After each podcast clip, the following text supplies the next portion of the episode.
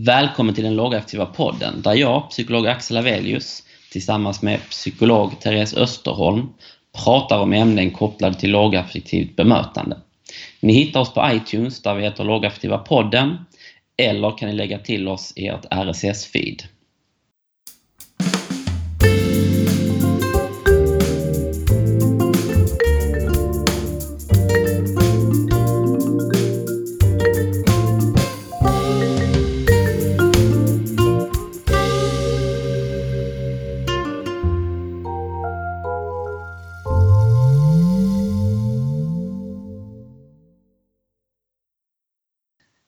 Hejsan! Välkomna till den lågaktiva podden.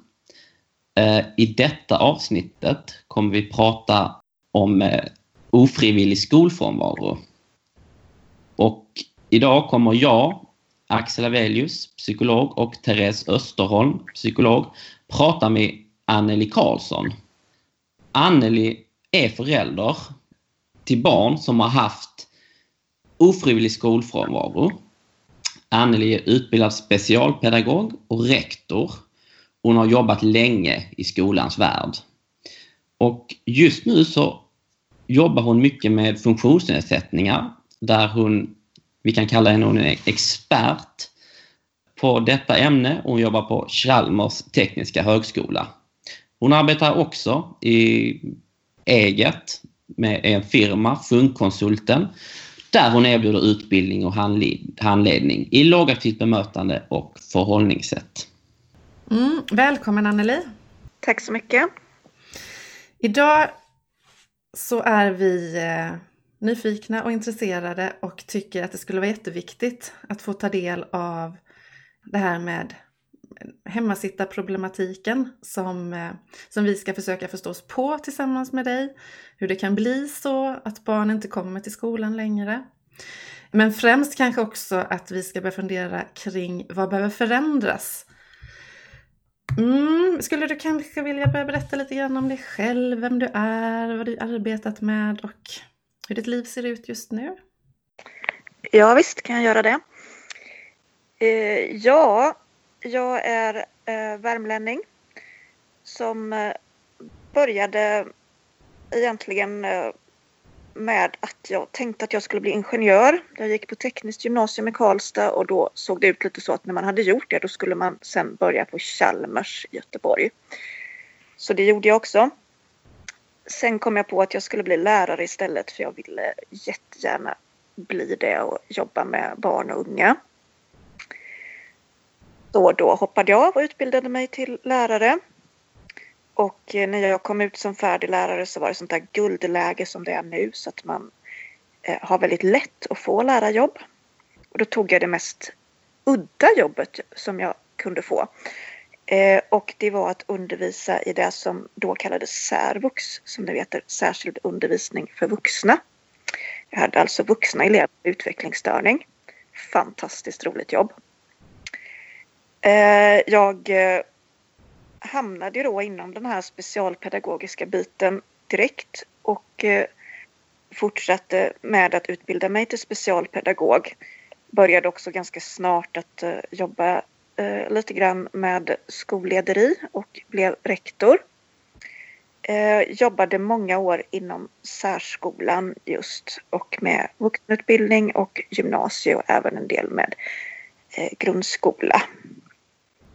Eh, under de åren så kom jag ganska tidigt i kontakt med det här med lågaffektivt bemötande. Mycket var där eh, inom eh, den världen med personer med utvecklingsstörning som Bo Hilskov Löfven började sin bana. Och eh, det har sen för mig blivit ett eh, självklart sätt att se på saker när jag jobbar vidare med människor. Eh, för tre år sedan ungefär så gick jag vidare ifrån särskolan till högskolan. Eh, många kan tycka att det är ett långt steg mellan särskolan och eh, Chalmers tekniska högskola. Mm.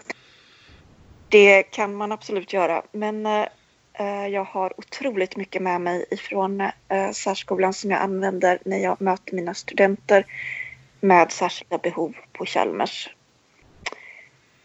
så har mitt yrkesliv sett ut ungefär. Och eh, nu på sista halvåret så har jag också börjat då med att starta upp min egna firma Funkkonsulten som jag jobbar med parallellt. Ja, och det jag inte visste när jag hamnade inom det här specialpedagogiska området var ju att jag själv skulle få barn med särskilda behov och stora behov av specialpedagogiska anpassningar. Eh, under åren som jag jobbade i särskolan så fick jag tre barn tillsammans med min man.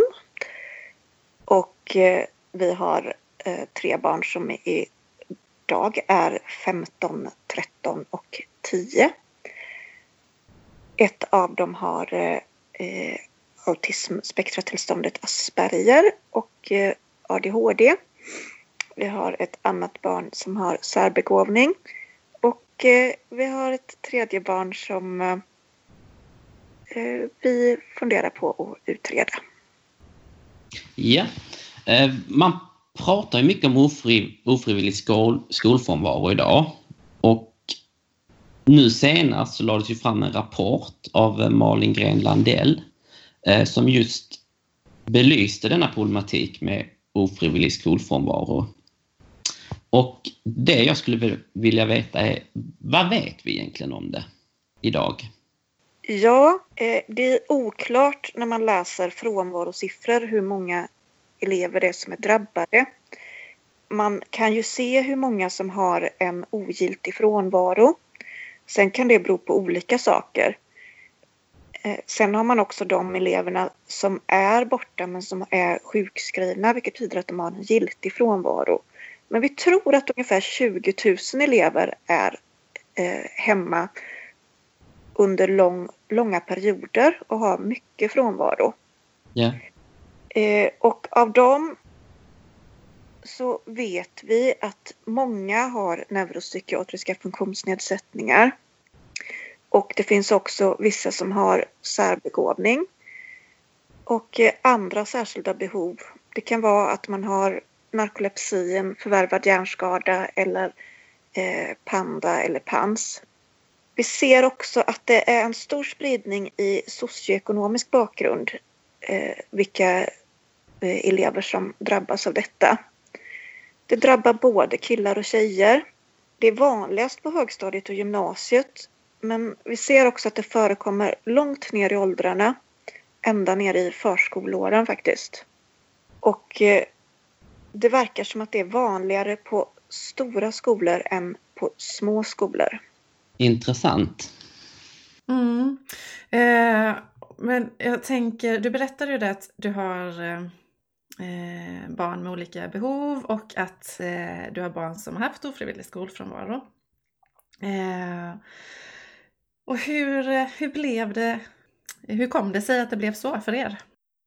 Ja, det är lite svårt att, att se vart, eh, vart det började som ledde till den här frånvaron.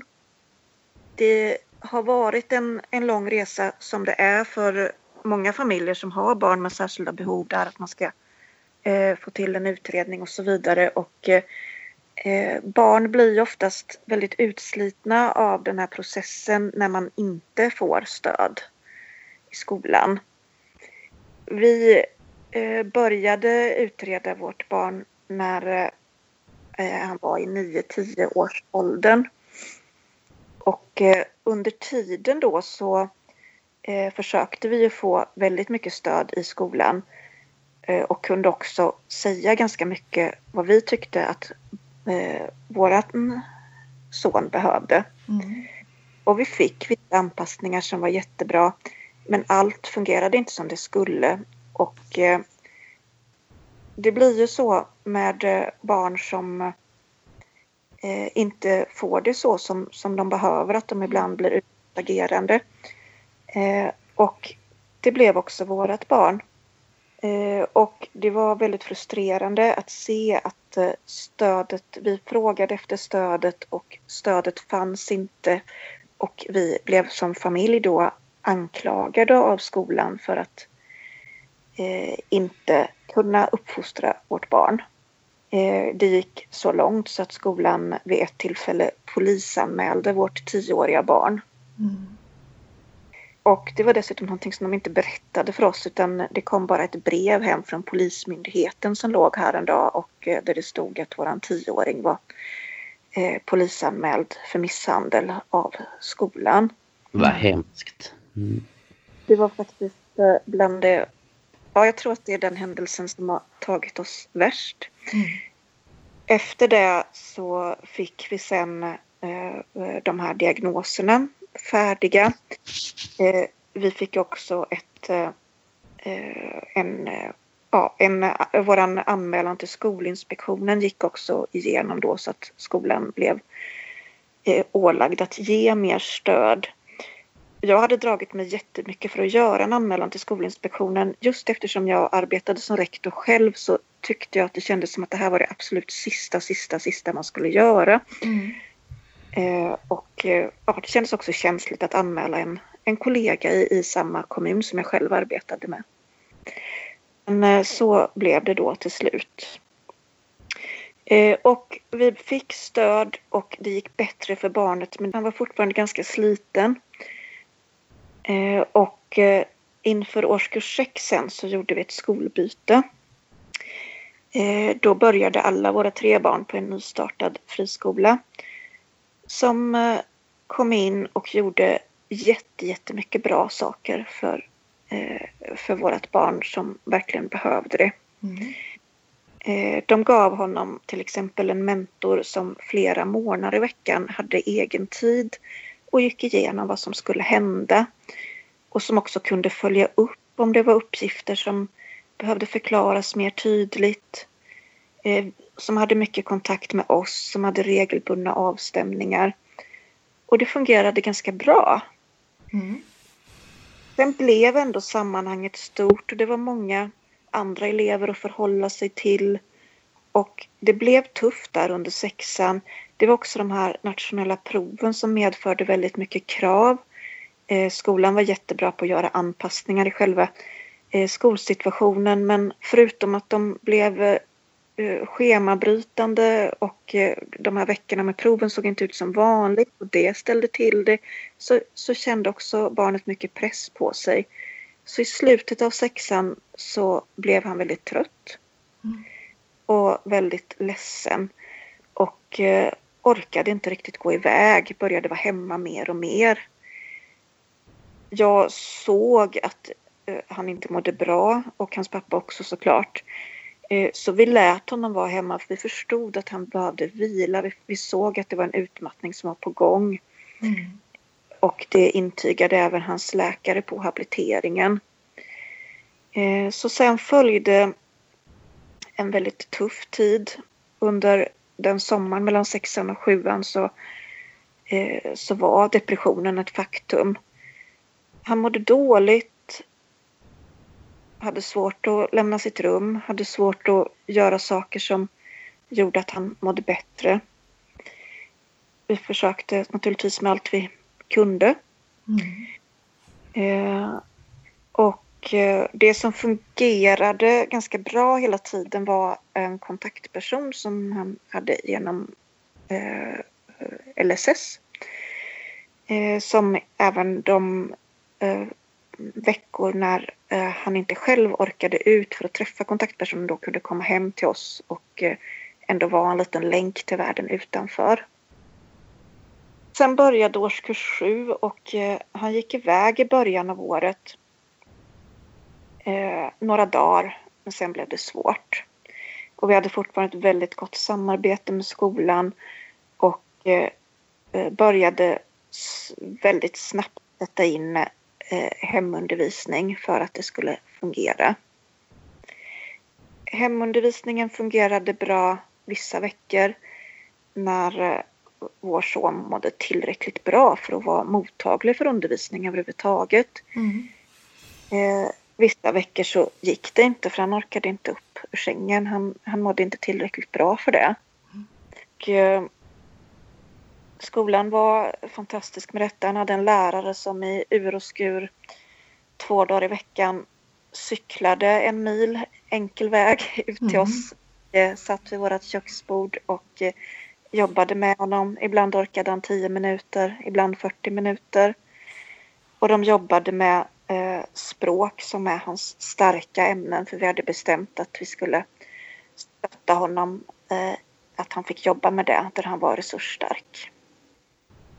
Sen i slutet av årskurs sju så försökte han komma tillbaka igen och eh, det hade han också gjort några försök under året. Han hade varit tillbaka ett par dagar. Vi hade också en period, ska jag berätta om, som faktiskt fungerade bra före jul i årskurs 7 då eh, vi kände att det ändå var bra om han kunde komma iväg till skolan. Då gjorde vi så att han eh, en dag i veckan kunde åka till skolan och ha lektion tillsammans med en annan elev som också var väldigt stark i engelska. Eh, och då fick de sitta i en enskild del av skolan så han behövde inte eh, förhålla sig socialt till resten av klassen. Eh, så det var också ett sån här eh, vinnande koncept som gjorde att han kom ut lite grann. Men sen där i slutet av sjuan då så, så kom han tillbaka och, och gick en del eh, i eh, några veckors tid. Eh, men med tio dagar kvar till sommarlovet så blev det en eh, stor konflikt tillsammans med en klasskamrat eller flera klasskamrater. Det var en konflikt som startade på sociala medier och eh, där vårt barn blev utåtagerande. Skolan gjorde allt de kunde. Eh, det fanns personal i närheten även eh, när det hände men tyvärr så lyckades de inte förebygga konflikten utan den blev handgriplig och då blev det så att när, när han väl hade varit tillbaka där i någon vecka så blev han avstängd då sista, eh, sin sista vecka i mm. årskurs 7. Mm. Det blev ju väldigt olyckligt eh, eh, slut på den perioden som ändå såg ut att bli bra. Ja. Eh, det vi gjorde då var ju att vi, vi började på att känna att den här skolan är nog för stor. De gör väldigt mycket bra men det, det, känns inte som att det här kommer gå bra. Så då började vi titta på alternativa skolor. Eh, och vi tog hjälp av eh, rektor som hjälpte oss med att skriva en anmälan till socialtjänsten av behovet av resursskola. Eh, och så började vi kämpa för att få till en plats på resursskola. Och under sommaren sen fick vi även hjälp av läkaren på habiliteringen som också intygade vårt behov då till socialtjänsten. Sen följde hösten i åttan då vi hamnade i en prestigekamp mellan eh, vår stadsdel och skolan. Vår nuvarande skola ville ju jättegärna att vi skulle få hjälp att komma till resursskolan. Eh, men tyvärr fanns det eh, personer i stadsdelen som var upprörda för att den här friskolan som våra barn gick på hade tagit många elever ifrån stadsdelen eh, och att det hade kostat dem mycket. Så det blev lite ett sånt här eh, prestigeärende. Så att vi bromsade väldigt mycket i den här processen för att kunna få till en plats på resursskolan. Eh, och det var väldigt många telefonsamtal, väldigt många mejl. Och eh, jag fick dra in politisk nivå för att det skulle eh, lossna. Och eh, vi fick till slut en plats beviljad före jul. Så att nu i januari så började vår son på en resursskola.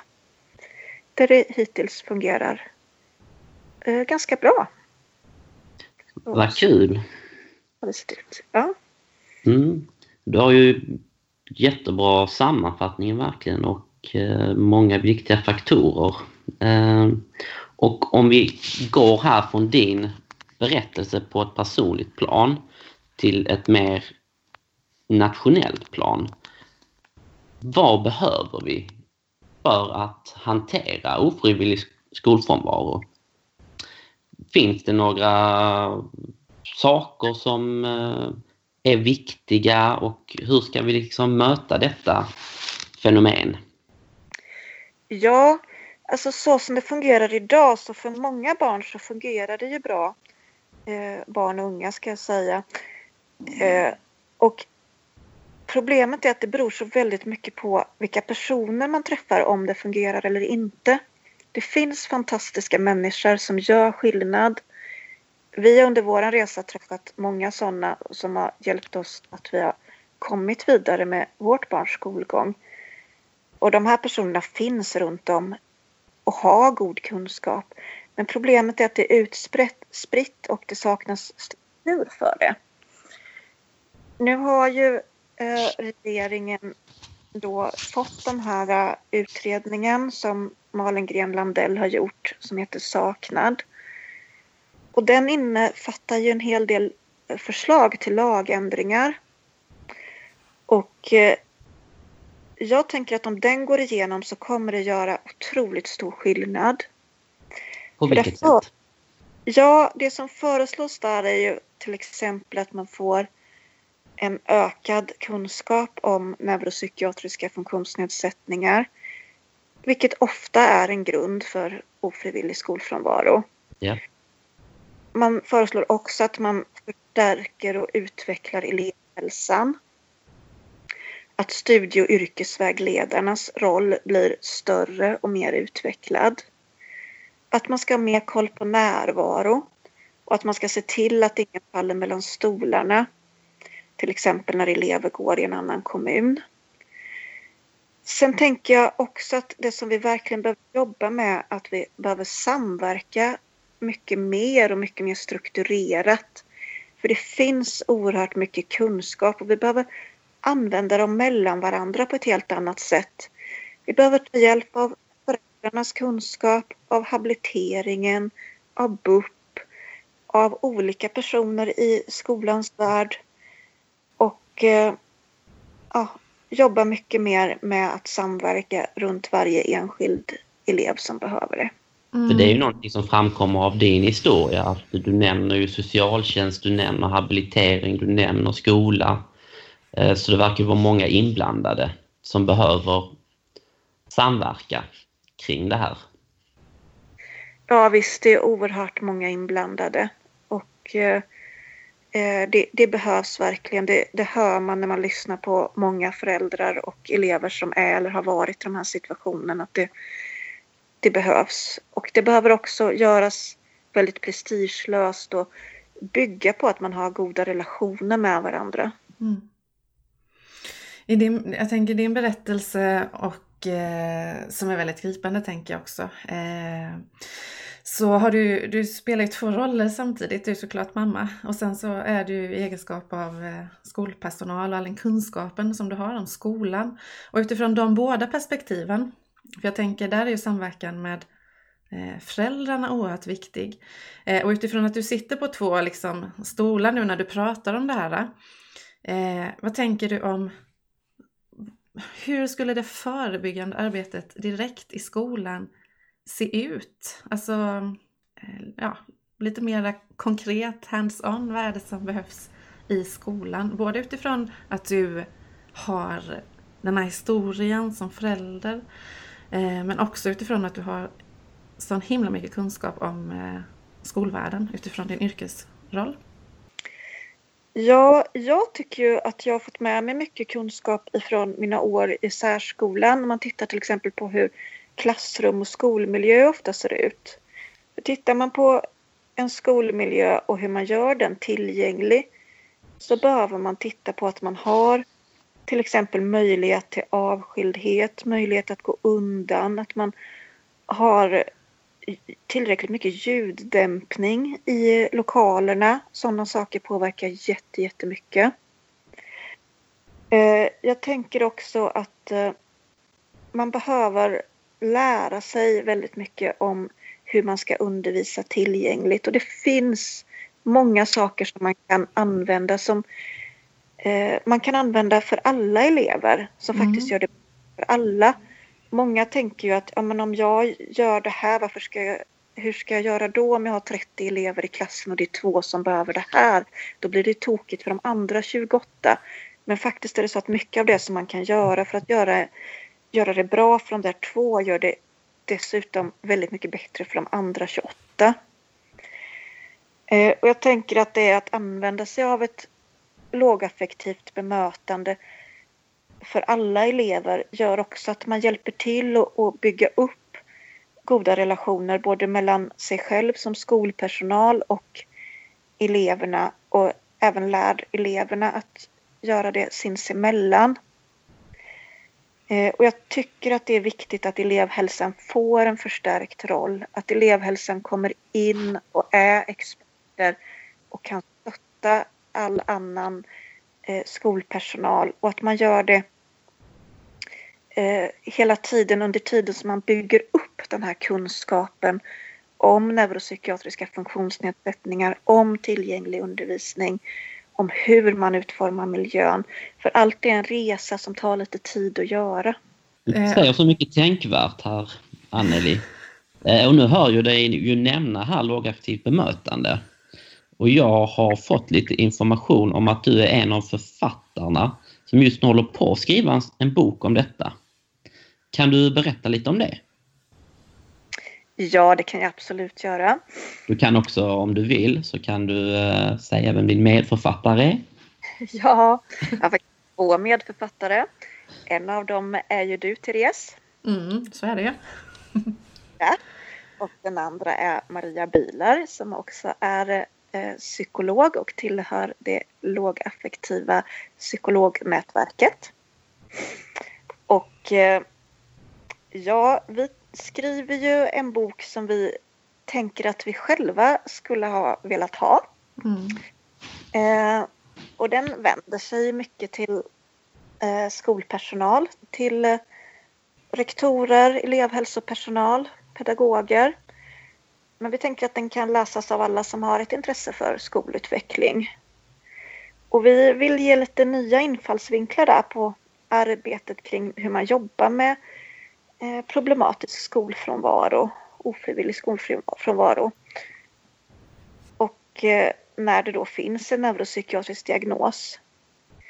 Och eh, vi tänker att vi, vi vill koppla ihop saker som är beforskade ehm, och väva ihop den med vår egen erfarenhet och andras erfarenheter. Vi intervjuar personer som vi tycker har saker att tillföra. Och den kommer också innehålla en hel del såna här handfasta råd som man faktiskt ofta saknar när man arbetar i skolan. Ja, det är ju jättemånga av de patienterna vi träffar som har jättemycket ofrivillig skolfrånvaro. Mm. Eh, och jag ser en problematik som de liksom har missat i tre år där man har liksom till en somatisk somatisk åkomma varför man inte gått i skolan på tre år. Men det är inte alls det det handlar om. Ehm, utan det är ju många faktorer det du beskriver, beskriver mer liknande en utmattningsdepression. Liksom. Det låter ju som att den är väldigt behövd med att, vad du har berättat här tidigare när vi har pratat. Ja, jag tänker att den behövs. Min dröm är att den kommer vara en bok som finns med på litteraturlistorna på både rektorsutbildning, specialpedagogutbildning och all lärarutbildning. Ja, det får vi hoppas. Mm. För, det som, för du pratar om, eh, vi skriver och vi pratar om elevhälsan. Ja. Jag tänker på något sätt måste kanske elevhälsan vara bärare också av eh, men liksom vad som kan vara förebyggande för de eleverna och sedan hjälpa lärarna att använda sig av det i klassrummet. Alltså för du säger men tillgänglig lärmiljö och undervisningen och den fysiska miljön och alltihopa där. Och att det, mm. liksom, mm. att det hela tiden ägs av skolan. Att det inte är någon...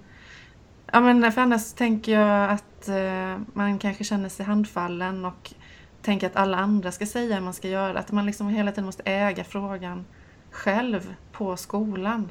Eller hur? Mm. Absolut. Att ha en ansvarig, det är ju det, är det första jag letar. Uh, ge mig en ansvarig som, som kan liksom hålla i trådarna. Uh, mm. Och elevhälsan fungerar ju så pass olika. Ibland, ibland kan det ju bli jättebra när man kan hantera en sån här situation men vissa, precis som du säger, känns ju helt handfallna. Eh, och att det här är alldeles för många för komplicerat man ska kunna arbeta med det eller man förstår inte sin egen betydelse. Så det är synd. Ja, det är ju så med elevhälsoteamen att eh, där finns ju massor med fantastiska människor oftast som har eh, en hel del kunskap men många av dem vill ha mer och känner själva att de inte kan tillräckligt om neuropsykiatriska funktionsnedsättningar. Så det är viktigt att man kan ge dem det. Och det är också någonting som har varit kritiserat att det inte har ingått i utbildningarna på till exempel specialpedagogprogrammet. Men äh, det frågar, äh, eh, eller jag tänker det kanske vi skriver om i boken också sen, men det här med att eh, den som håller i trådarna, eller skolan måste ju äga frågan, men i allt detta när det ska vara så mycket, när det ska, eller det måste vara samverkan och när man som förälder kanske börjar känna sig väldigt trött och det är man själv som hela tiden måste eh, eh, ja, men, eh, ringa den ena, skriva ett brev till den andra och leta upp information och kolla sina rättigheter och sådär. Vad, vad, vad skulle behövas för att hjälpa föräldrarna där, tänker jag? Att inte för, för annars tänker jag att det är ni föräldrar som får ta den där samordningsrollen.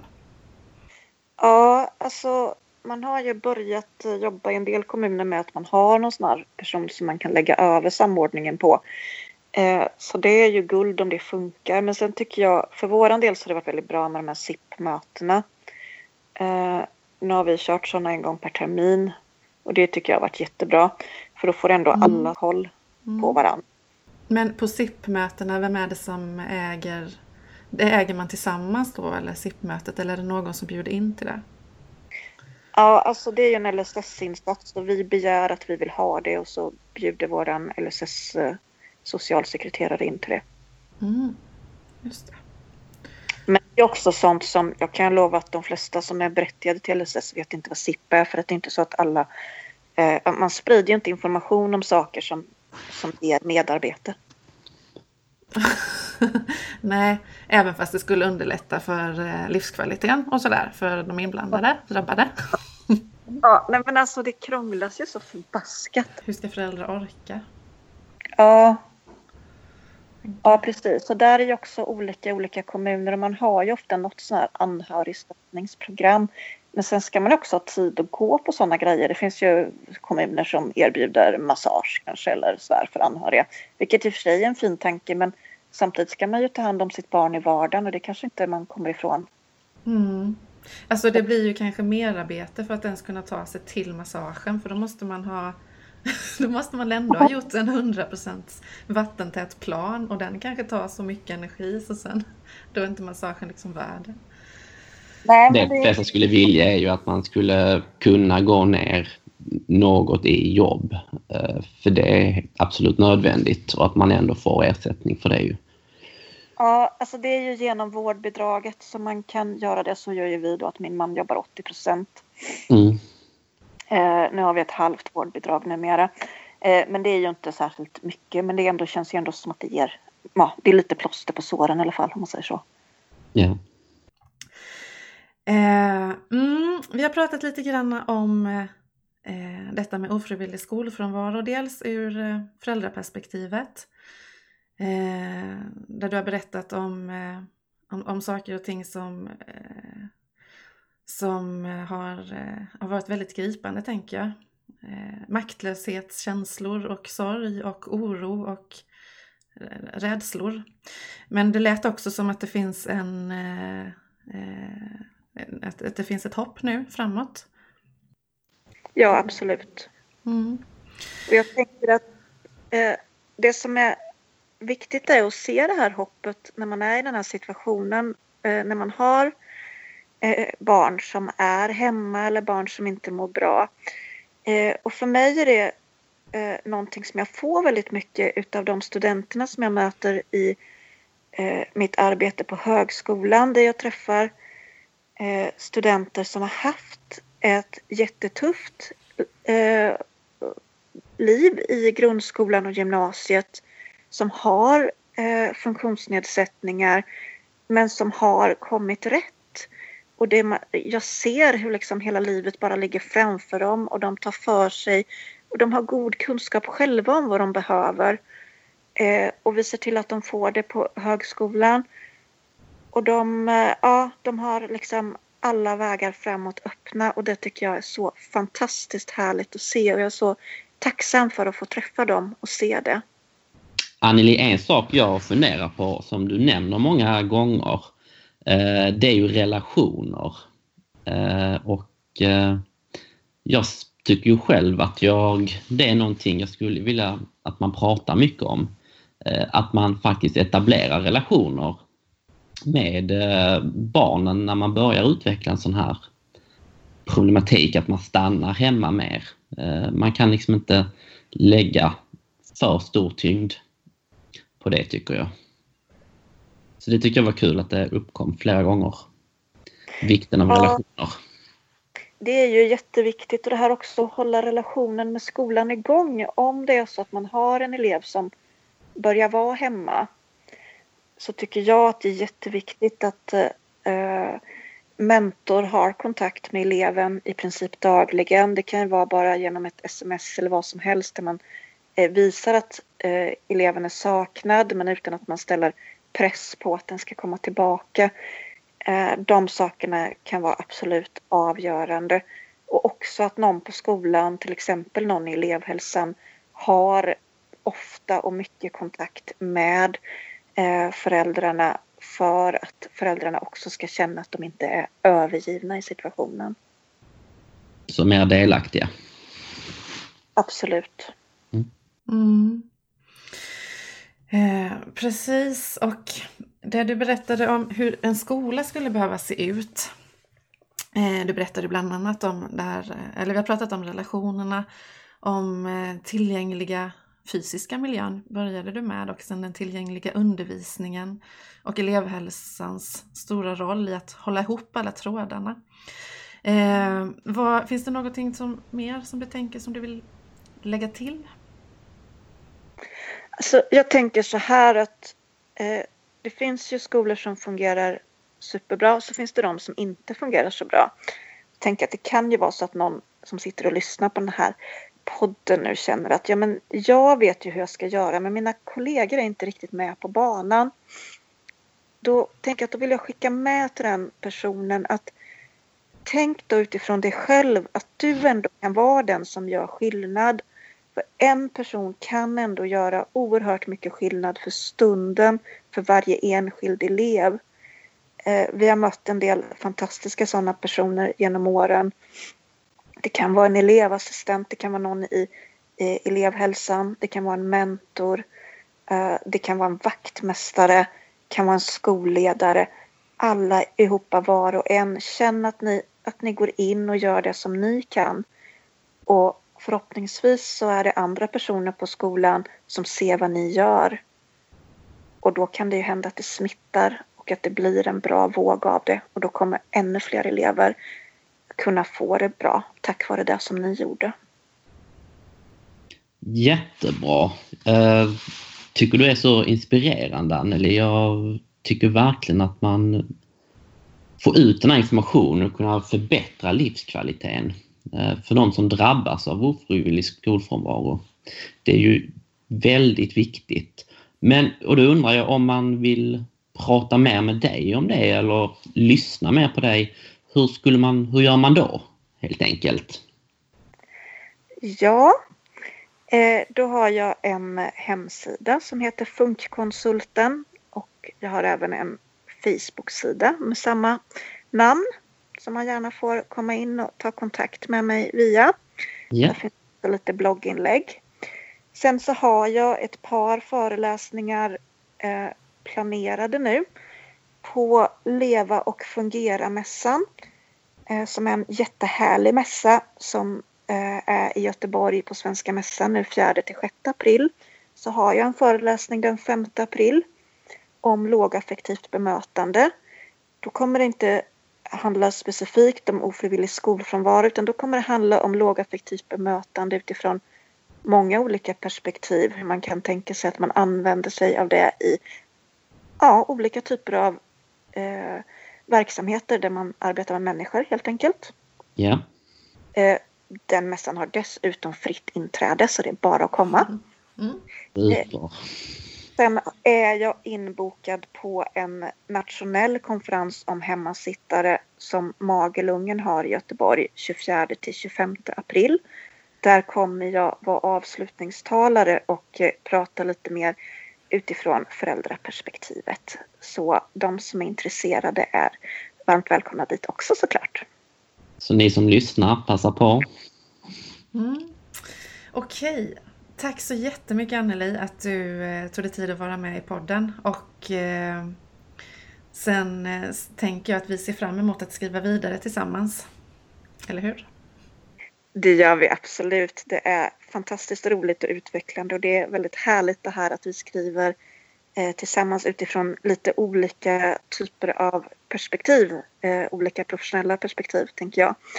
Eh, och eh, sen är det ju jätteviktigt att ha med sig det här att eh, barn med särskilda behov inte bara är något bekymmer eller något stort och svårt och jobbigt för varken familj eller skola utan de här barnen de medför ju en massa positiva saker. Mm. Man får ju utmanas tillsammans med barnen. Man får ta del av deras kreativitet och man får också ta vara på deras förmågor och se alla saker som de är så fantastiskt bra på. Och ofta så har man väldigt, väldigt roligt ihop med de här barnen och får en alldeles, alldeles speciell kontakt. Det tycker jag är jättehärligt. Mm, absolut, det måste vi. Vi måste ta tillvara på hur mångfald faktiskt berikar för oss alla. Ja, jag vill önska er fortsatt lycka till med podden. Det är så roligt att vara utvald och få vara med. Tack ska ni ha. Mm. Tack för att ni lyssnar på oss. Jag hoppas att ni väljer att fortsätta följa oss när vi återkommer med avsnitt där vi pratar om ett nytt ämne med en lågaffektiv vinkel